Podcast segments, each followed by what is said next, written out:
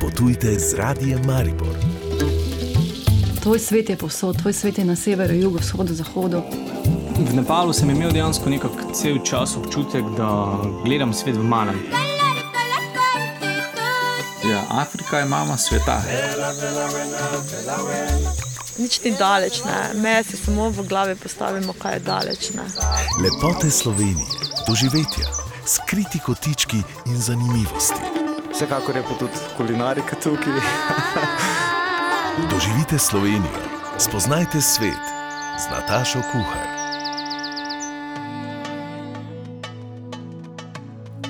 Lepo pozdravljeni in vabljeni k poslušanju turistično obarvanih tem. Tokrat bomo slišali, da ima Slovenija veliko neizkoriščenega potencijala v api in ornitološkem turizmu. Ustavili se bomo tudi pri rimski kulinariki. Ta konec tedna je naše najstarejše mesto namreč v znamenju rimskih iger, katerih pomemben del so tudi dobrote tistega časa. V ponovitvah potopisnih klepetov pa bomo znova spoznavali Butan.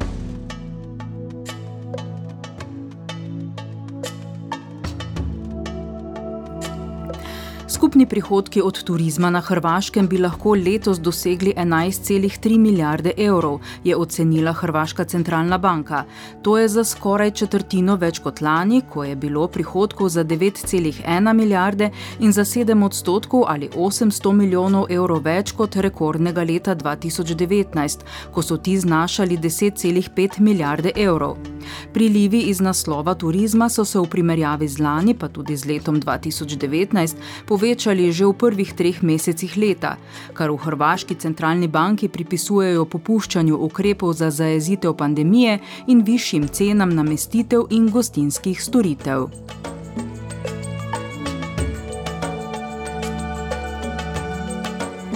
Poglejmo še nekaj domačih podatkov. Na Štajerskem so turistične številke letos boljše od lanskih in se bližajo tistim iz predkoronskega leta 2019. V Mariboru in pod Pohorjem do konca avgusta pričakujejo okoli 50 do 80 odstotno zasedenost. Na Rogli in v Zrečah pa opažajo, da so turisti previdni, popraševanja za zimske namestitve je veliko, rezervacije pa zaostajajo.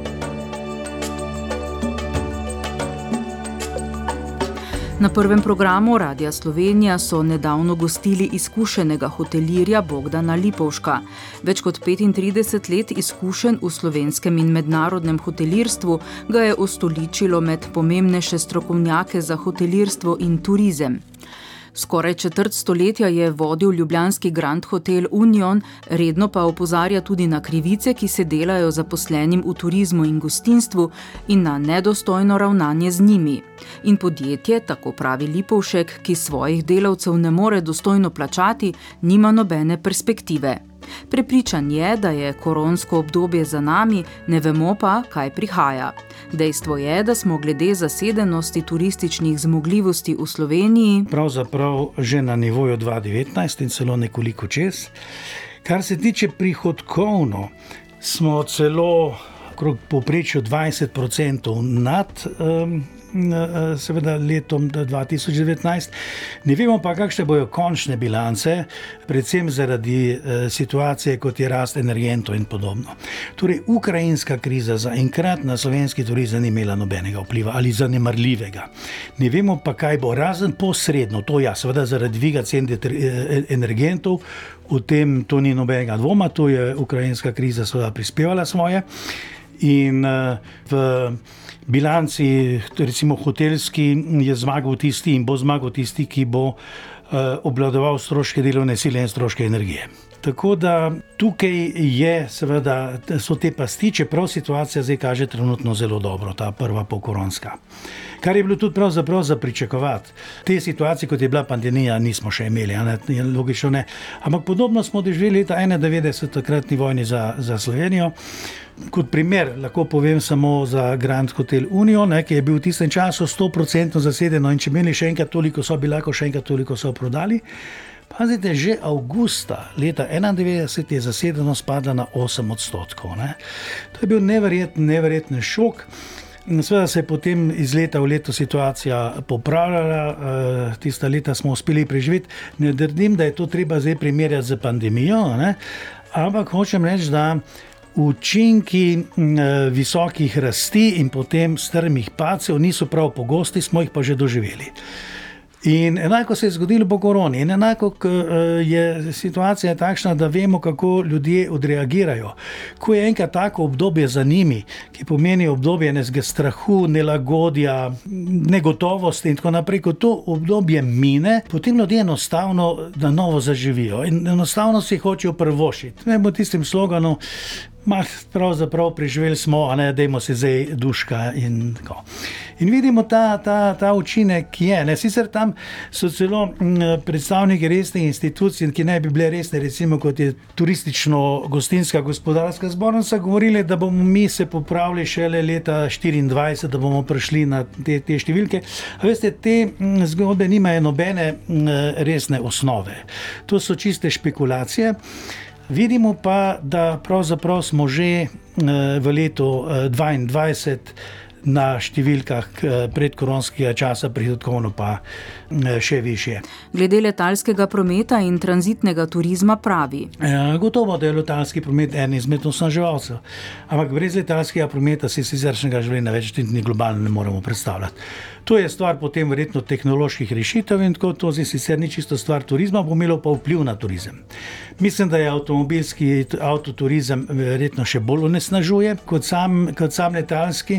Vidimo pa v tej situaciji, da pa ko nam nekoliko manjka preko oceanskih gostov in gostov iz azijskega bazena, pa seveda srednji evropski bazen prav dobro zapolnjuje to, to vrzel in to so glavne avtomobilisti oziroma gosti, ki prihajajo z avtomobili. Žal so železniške povezave z Slovenijo tako slabe, žal tudi letalske, da je večji del turistov, ki prihajajo v Slovenijo, prihaja individualno z svojimi osebnimi vozili. Problem je seveda tudi v tem oziru tudi tranzitni turizem, predvsem za uh, Hrvaško. Ne. Tranzitni turizem je neverjetno obremenjujoč, uh, ekološko je sporen, prinaša pa pravzaprav nič. Ne. Ne glede na to, da je v celo prejšnji strategiji bilo napisano, da je velik potencial slovenskega turizma v tranzitnem turizmu. Ne. Zdaj, prav lepo bi bilo dobiti kakšnega izmed teh strokovnjakov, ki je to zagovarjal, da bi to malo bolj podrobno razložil. V zelenem in butičnem turizmu je lahko Slovenija izjemno konkurenčna in privlačna. Imate neverjetne možnosti integriranih turističnih produktov. Ki so primerni tako za daljše počitnikovanje, kot tudi za krajše počitnice, kot so lahko recimo podaljšani vikendi ali kaj podobnega. In pa seveda ti, te, take vrste podaljšani vikendi so zanimivi najbolj za naše sosede, oziroma za srednji evropski prostor, kar pa pomeni, seveda, da odpade težava z letalskim prevozom, kajti s tem, ker so ekonomske in politične elite uničile Adria Airways, je Slovenija postala slepo črvo Evrope, kar se tiče letalskih povezav. Ne. Tukaj pa recimo z Bavarske do, do Bleda, Ljubljane, Portoroža, Novega mesta, recimo pa seveda je razdalja, ki jo ljudje brez težav lahko upravijo.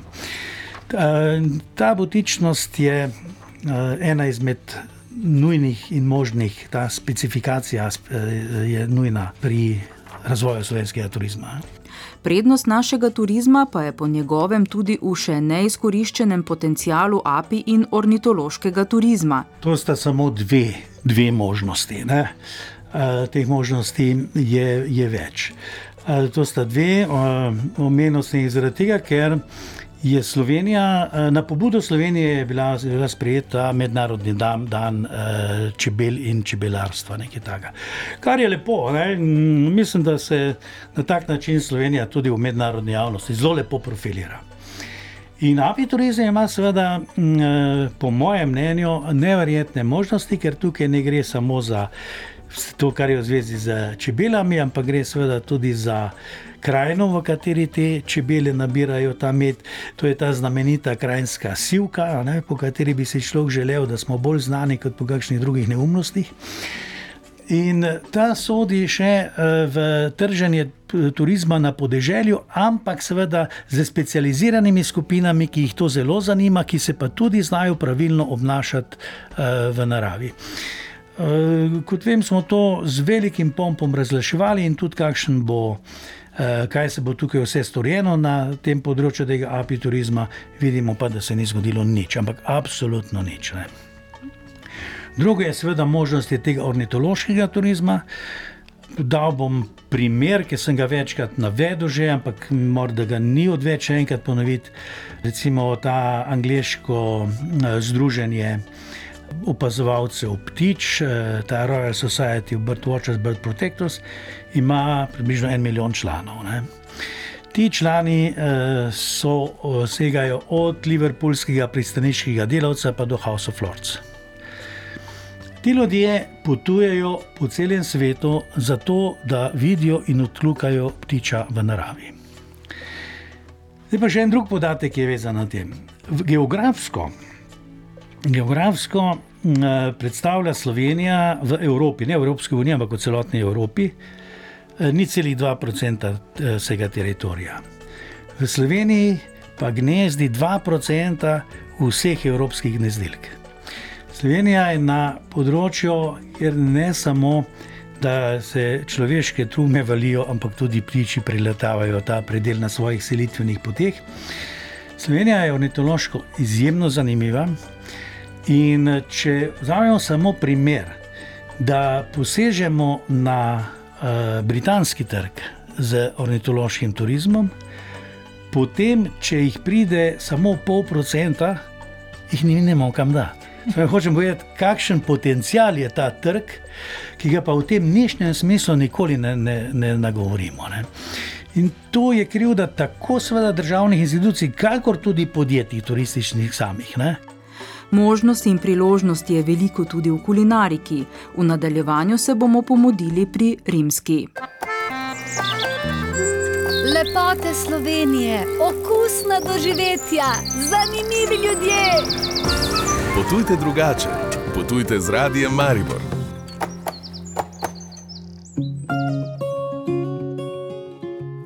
Ptuj je še danes in jutri spremenjen v rimski poetovijo. Ulice in trge so zasedli gladiatorji, legionarji, senatorji, vestalke in drugi rimljani. Več kot 800 udeležencev iz šestih držav predstavlja življenje in običaje v starem Rimu. Prav tako ne manjka rimska kulinarika. Dobrote tistega časa je, kot že vrsto let, pripravilo Društvo žena in deklet občine Hajdina. V kulinarično preteklost rimske petovione se vračajo zadnjih 23 let. Lani so izbor jedi strnile tudi v knjigi z naslovom Nekaj dobrega. Zbrale so kar 150 receptov, pove dolgoletna, zdaj že nekdanja predsednica društva Marija Pulko.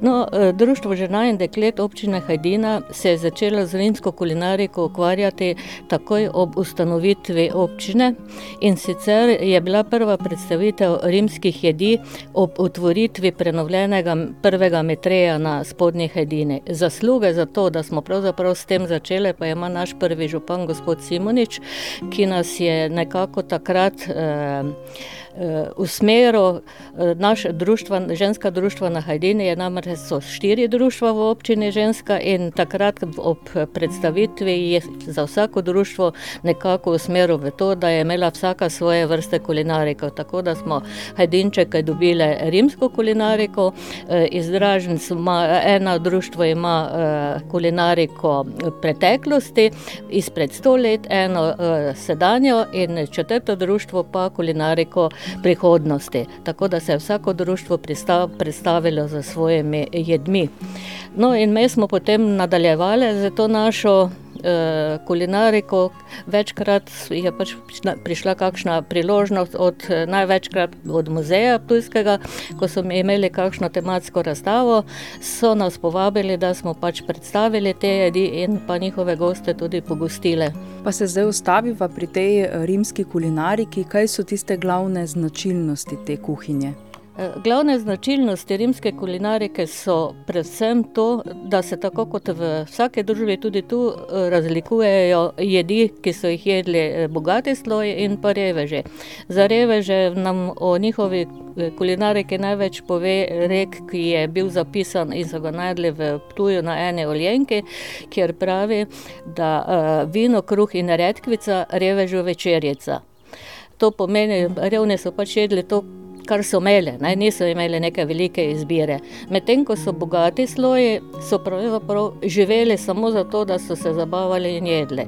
Pri bogatih družinah je trajalo kosilo ali pa večerja, kaj bi rekli, nekje od tretje ure popoldan, nekje sredi popoldneva, pa dolgo v noč, kajti tam so prvič so stregli najmanj sedem menijev, sedem jedi, sedem hodov, potem ob hrani so se tudi znali zabavati, kar so jih zabavali od akrobatov, plesalk, recitatorjev, igralcev in tako naprej, tako da so pravzaprav uživali. Lahko so pa uživali, zato ker so pač ob mizah gospodje ležali na posebnih, podobno kot enim divanom, in so potem, seveda jim ni bilo težko, da so jedli in zraven malo popili, pa tudi seveda se zabavali pa razpravljali o raznih takrat političnih zanimivih temah, ne. Pa povejte še mogoče en meni, ki so ga recimo imeli ti bogati sloji, kaj vse so jedli? Ja, bogati sloji so jedli pravzaprav vse, jaz rečem takole, po, po literaturi, ki sem jo pač prebirala, jedli so vse, kar, kar raste na zemlji, hodi po zemlji, leta v zraku in plava v vodi. Niso bili izbirčni, jedli so vse vrste, danes si težko zamišljamo, da so, jedli so na primer divjačino, pojedli so tudi vso drobovino, možgane, jedli so, na primer, taka zanimivost je, da so imeli, da so radi imeli ptice oziroma jedli so jezičke ptic pevk, ne. Posebna, na primer druga zadeva, ki je bila takšna, ke je mene zelo, zelo šokirala, bi lahko rekla, maternica jalove svinje. To, to tako da to je bilo nekaj res posebnega, ne. Drugače so pa začeli s predjedmi, s potem z juhami, glavna jed, to so bile meso, divjačina, potem ovčetina, svinjina, ptice, ribe, morski sadeži, zelenjave so veliko pojedli, sadja, potem pa še kakšne sladice. Zanimivost pa je, da vino, ko so ga pili, ga niso pili čistega, ampak so ga vedno mešali z vodo. Če prelistamo po tej knjigi, vidimo pač bogat izbor teh jedi, ne. Kaj pa je recimo značilnost, kaj so tiste osrednje začimbe, ki so jih uporabljali, na čem so pripravljali hrano?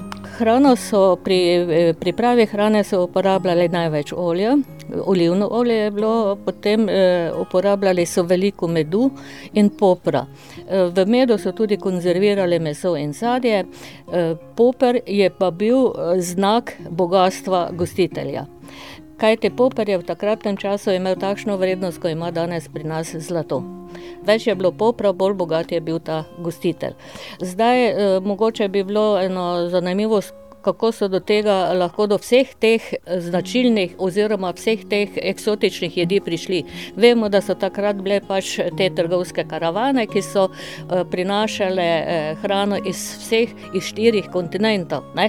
Oni so iz Afrike, Azije, Evrope, od vsepovsod, razen iz Amerike, ker pač te poti so bile pa predolge, da bi to prinašali, drugače so pa s karavanami vse to, kar ni pač na določenem območju raslo, si pripeljali od drugje in to hrano, vse te stvari so hranili večinoma v amforah, žita, olja in te stvari, ne.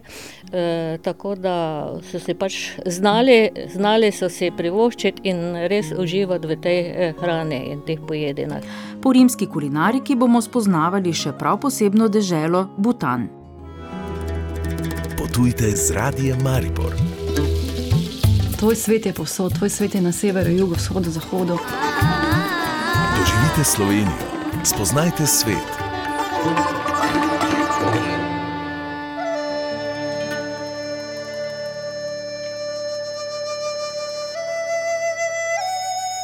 V današnji ponovitvi potopisnega dela oddaje bomo znova odkrivali Butan.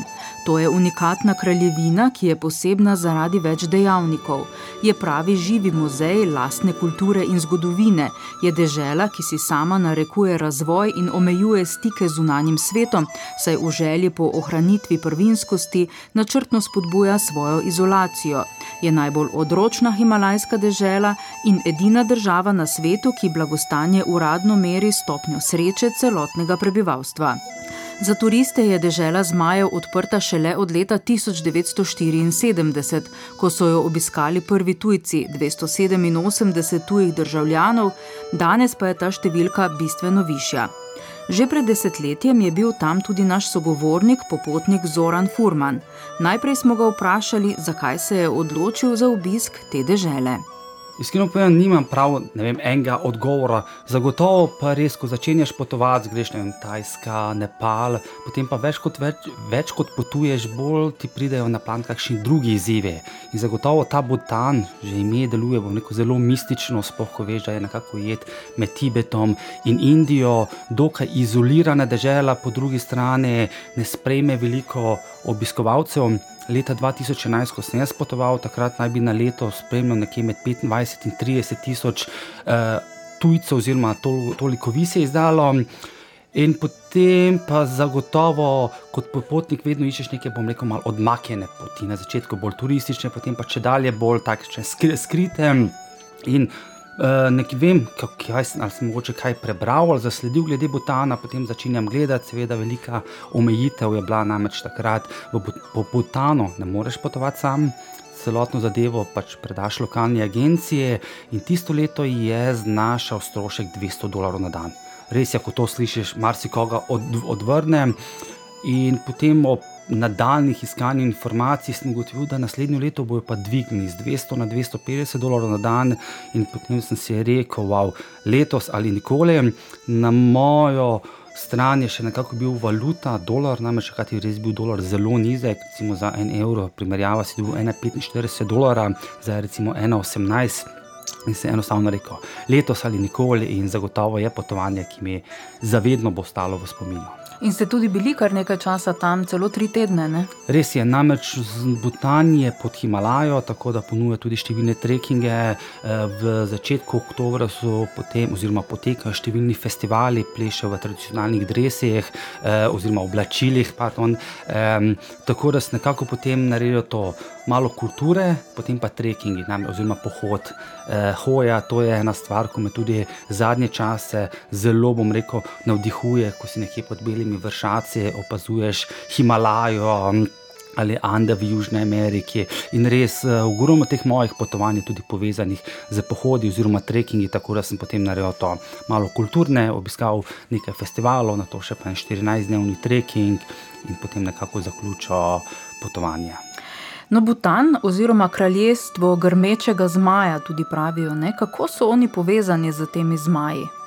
Iskreno povedano, to ne vem, ampak drug jul, oziroma grmeči zmaj, je res simbol tudi na splošno v sami zastavi. Recimo je oranžno-rumena barva in na sredini je, je, je ta zmaj. Eh, kakšni dobesedno pomen ima, pa nažalost vem. Vem pa, da ogromno stvari se imenuje, od letalske družbe do razna podjetja, se imenuje drugi oziroma grmeči zmaj. Mhm.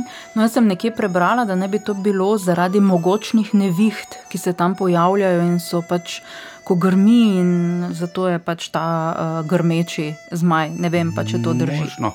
Nevihte bi znale biti bolj kot ne v poletnih mesecih, namreč uh, Butan je. Z... Butan ima podobno klimo, oziroma podobno vreme kot Nepal, za trekking je potem ne vem, september, oktober, november, eh, marc, april, maj, v poletnih mesecih so pa potem monsuni oziroma deževno nodovo, tako kot recimo konkretno v Nepalu, pa sever Indije. Uh mhm. -huh. no, gre za res eno posebno deželo, kjer se blagostanje uradno meri glede na stopnjo sreče ne, celotnega eh, prebivalstva. Imajo tako ministrstvo za srečo in pa tudi enoto za srečo, bruto nacionalna sreča. To drži? Res je, to je tudi eden od rekel, tržnih niš, oziroma pogosto prodajajo Grossa National Happiness, oziroma bruto nacionalna sreča. Namreč mislim, da leta 2005 je bilo štetje prebivalstva in takrat so tudi bilo eno od vprašanj, ali so srečni. In kar 97% eh, prebivalstva je obkrožilo, da, da so srečni. In bom rekel, Res je, se pravi, v primerjavi z Nepalom, ko je množični ni turizem, res je, se pravi, to prenese pozitivne stvari, tudi negativne stvari. Ampak v Nepalu ogromno ljudi, kar sem jih jaz srečal, res so tisti sproščeni, nasmejani, kljub temu, da je življenje sploh v hribih zelo težko, ampak eh, bi zagotovo lahko rekel. Tudi vem, da ogromno ljudi, recimo, gre študirati v tujino. Ampak na koncu se vrača domov, res je zasluži manj, ampak se mi zdi, da ta notranja sreča res ima neke povezave s tem. Jim veliko pomeni. Ne? In tudi ženske so v Botanu zelo spoštovane in so tudi zelo upletene v delo, tudi v gradbena dela, kot smo videli zadnjič na vašem predavanju, ste imeli kar nekaj fotografij tega. Res je, ampak če to pomeni, to potegnemo ti delavci, to je ogromno delavcev iz Indije. Namreč Butan je bil dolgo časa zaprt. Šele od leta 1974 je odprt za turiste, prvi so bili Rainer Messner in recimo ti alpinisti, ker ima le na severu meji na Himalajo oziroma na, na, na Tibet. In edini poslovni oziroma stik z zunanjim svetom ima Butan za sosednjo Indijo. Tudi recimo indijska vojska je v, v Butanu in tudi ogromno delavcev, ki so tam nekje v 60-ih letih iz, me, iz meje z Indijo, pa vse do glavnega mesta zgradili cesto, potem jo pa tudi vsako leto obnavljajo. Namreč, glede na to, da je Butan zelo hribovit, večji del države leži, tako in tako na 2000 metrov, cesta, bom rekel, je res zelo za, zavita, samo za primerjavo. Iz meje je do glavnega mesta je bilo 172 km in smo ravno kar 10-11 ur porabili, da smo prišli, kar, kar pomeni, da je cesta zelo oska in seveda v poletnih mesecih so monsuni, se utrže plas, zasuje se zasuje del ceste, in potem po koncu državne dobe prihaja ogromno Indicov. To so celotne družine, dva, tri mesece pridejo, delajo na ceste. To je bilo res zanimivo za mene, nekega zahodnjaka, ko vidi žensko z macolo oziroma velikim kladivom, razbija kamne tam na ceste, ker pogosto to. Ni tako, da bojo pripeljali drobni pesek, grobi pesek, ogromno stvari sem, vse še na roke delajo. Jo. In vem, da ko sem tako le našega vodiča Kimija, Kim namreč, v, kot sem že omenil, v Butan ne moreš iti sam, moraš iti za eno lokalnih agencij. Tako da sem že dan pred, pred začetkom ture, namreč začel sem iz, meje, na meji z Indijo, spoznal vodiča, voznika, ki me je prve tri dni ni vozil. In ko sem vodiča vprašal, čuj, kako to, da ženske delajo, se je kar bistvo, ker malo diplomatsko, bom rekel rekel, znašel, rekel, da pač pri njih ne poznajo diskriminacije. Namreč pri nas si ne predstavljamo ženske, da dela na cesti. In glavno, to so indice, celotne družine pridajo. Dva, tri mesece delajo, da popravijo neki odsek ceste ali na novo zgradijo, oziroma razširijo cesto. Tako da ja, to je bilo tudi kar ena takšna zanimiva izkušnja, oziroma doživetje videti žensko delati na cesti. No, pomen žensk pa dokazuje tudi ta tradicija dedovanja, ki velja v tej državi, vse premoženje, vključno z nepremičninami, živino in zemljo, deduje najstarejša hčerka in ne sin. Ja, za naše razmere je to kar mal, mal težko razumeti, oziroma ker pri nas večino gre to po moški po, moškem, de, po moški strani. Ja, to je tudi ena od stvari, ko se na potovanju pogosto naučiš, začneš spoznavati vem, drugačne običaje, drugačne navade, da mogoče malo iz te cone, obdobje, kar se razmišljanja tiče, našega razmišljanja tiče, lahko stopiš in spoznaš v takšne stvari. Mhm, ampak je v bistvu nepredstavljivo, ne? ena, ena taka država, recimo pa, žen, pa ženska ima mislim, glavno besedo. Ja. Mhm. Kakšne pa so tradicionalne te butanske hiške, hiše, ne vem, kako oni živijo, prebivajo? Kar je bilo najbolj zanimivo, je to, da v glavnem mestu Timpo, ki leži na malo več kot 2300 metrov nadmorske višine, je bomo rekel, kar precej hitro raztoče mesto. Dobrih 100 tisoč prebivalcev živi v tem glavnem mestu, nimajo nobene hiše večje od uh, petih nastropij. Ne vem točno razloga, ampak je zelo zanimivo. To jaz sem takrat začel moje potovanje v Indiji, v New Delhijo, nek dobrih deset dni potoval uh, čez Indijo do Kalkute in potem na sever do meje z Butanom. In ravno začetek moje poti je zaznamoval en potres v Sikimu. In Sikim je bil, to je dejansko del Indije med Nepalom in, in, in Butanom, je bil nekaj časa takrat celo zaprt. In tudi Butan je bilo malo potresa, so, so čutili predvsem na zahodnem delu in se, spraš, in se potem začel spraševati, ali je mogoče to kaj povezavi, ker je bolj kot ne na potresnem. Na potresnem območju, da ne gradijo visokih stavb. To je v mestu, kar se pa na podeželju tiče, pa ogromno, bom rekel, enoetažnih hiš, zelo rekel, preproste. Ni dvakrat, oziroma enkrat na trekkingu.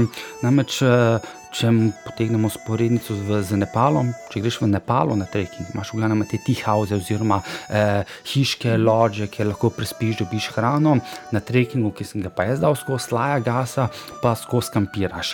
Edino dve noči smo potem prespali pri enem domačinu in ta hiška izgleda tako spodaj nasprotje, oziroma prva etaža, pretličje je bolj kot ne zelo preprosto namenjeno za živino, pa razne poščine, v drugem nadstropju greš po stopnicah gori, pa na enem delu črna kuhinja, na drugem delu pa potem bom rekel, dnevna soba, spalnica, vse hkrati. Tako da v hribih v glavnem vse bolj kot ne zelo male lesene hiške, zelo preproste, nič. Rekel, bohoten je to, kar je pri nas, oziroma zah v zahodnem svetu, kar nekako način, ne vem, se predstavlja na standard ali mm -hmm. česa. Mm -hmm. No, svoje domove pa zelo radi tudi krasijo, po zidovih rišejo živali in različne motive. Na stenah je veliko krat narisan tudi moški spolni organ, ne? to ste tudi zadnjič omenjali. Uh, in smo tudi lahko videli na fotografijah, ne, ki ste jih tam uh, imeli.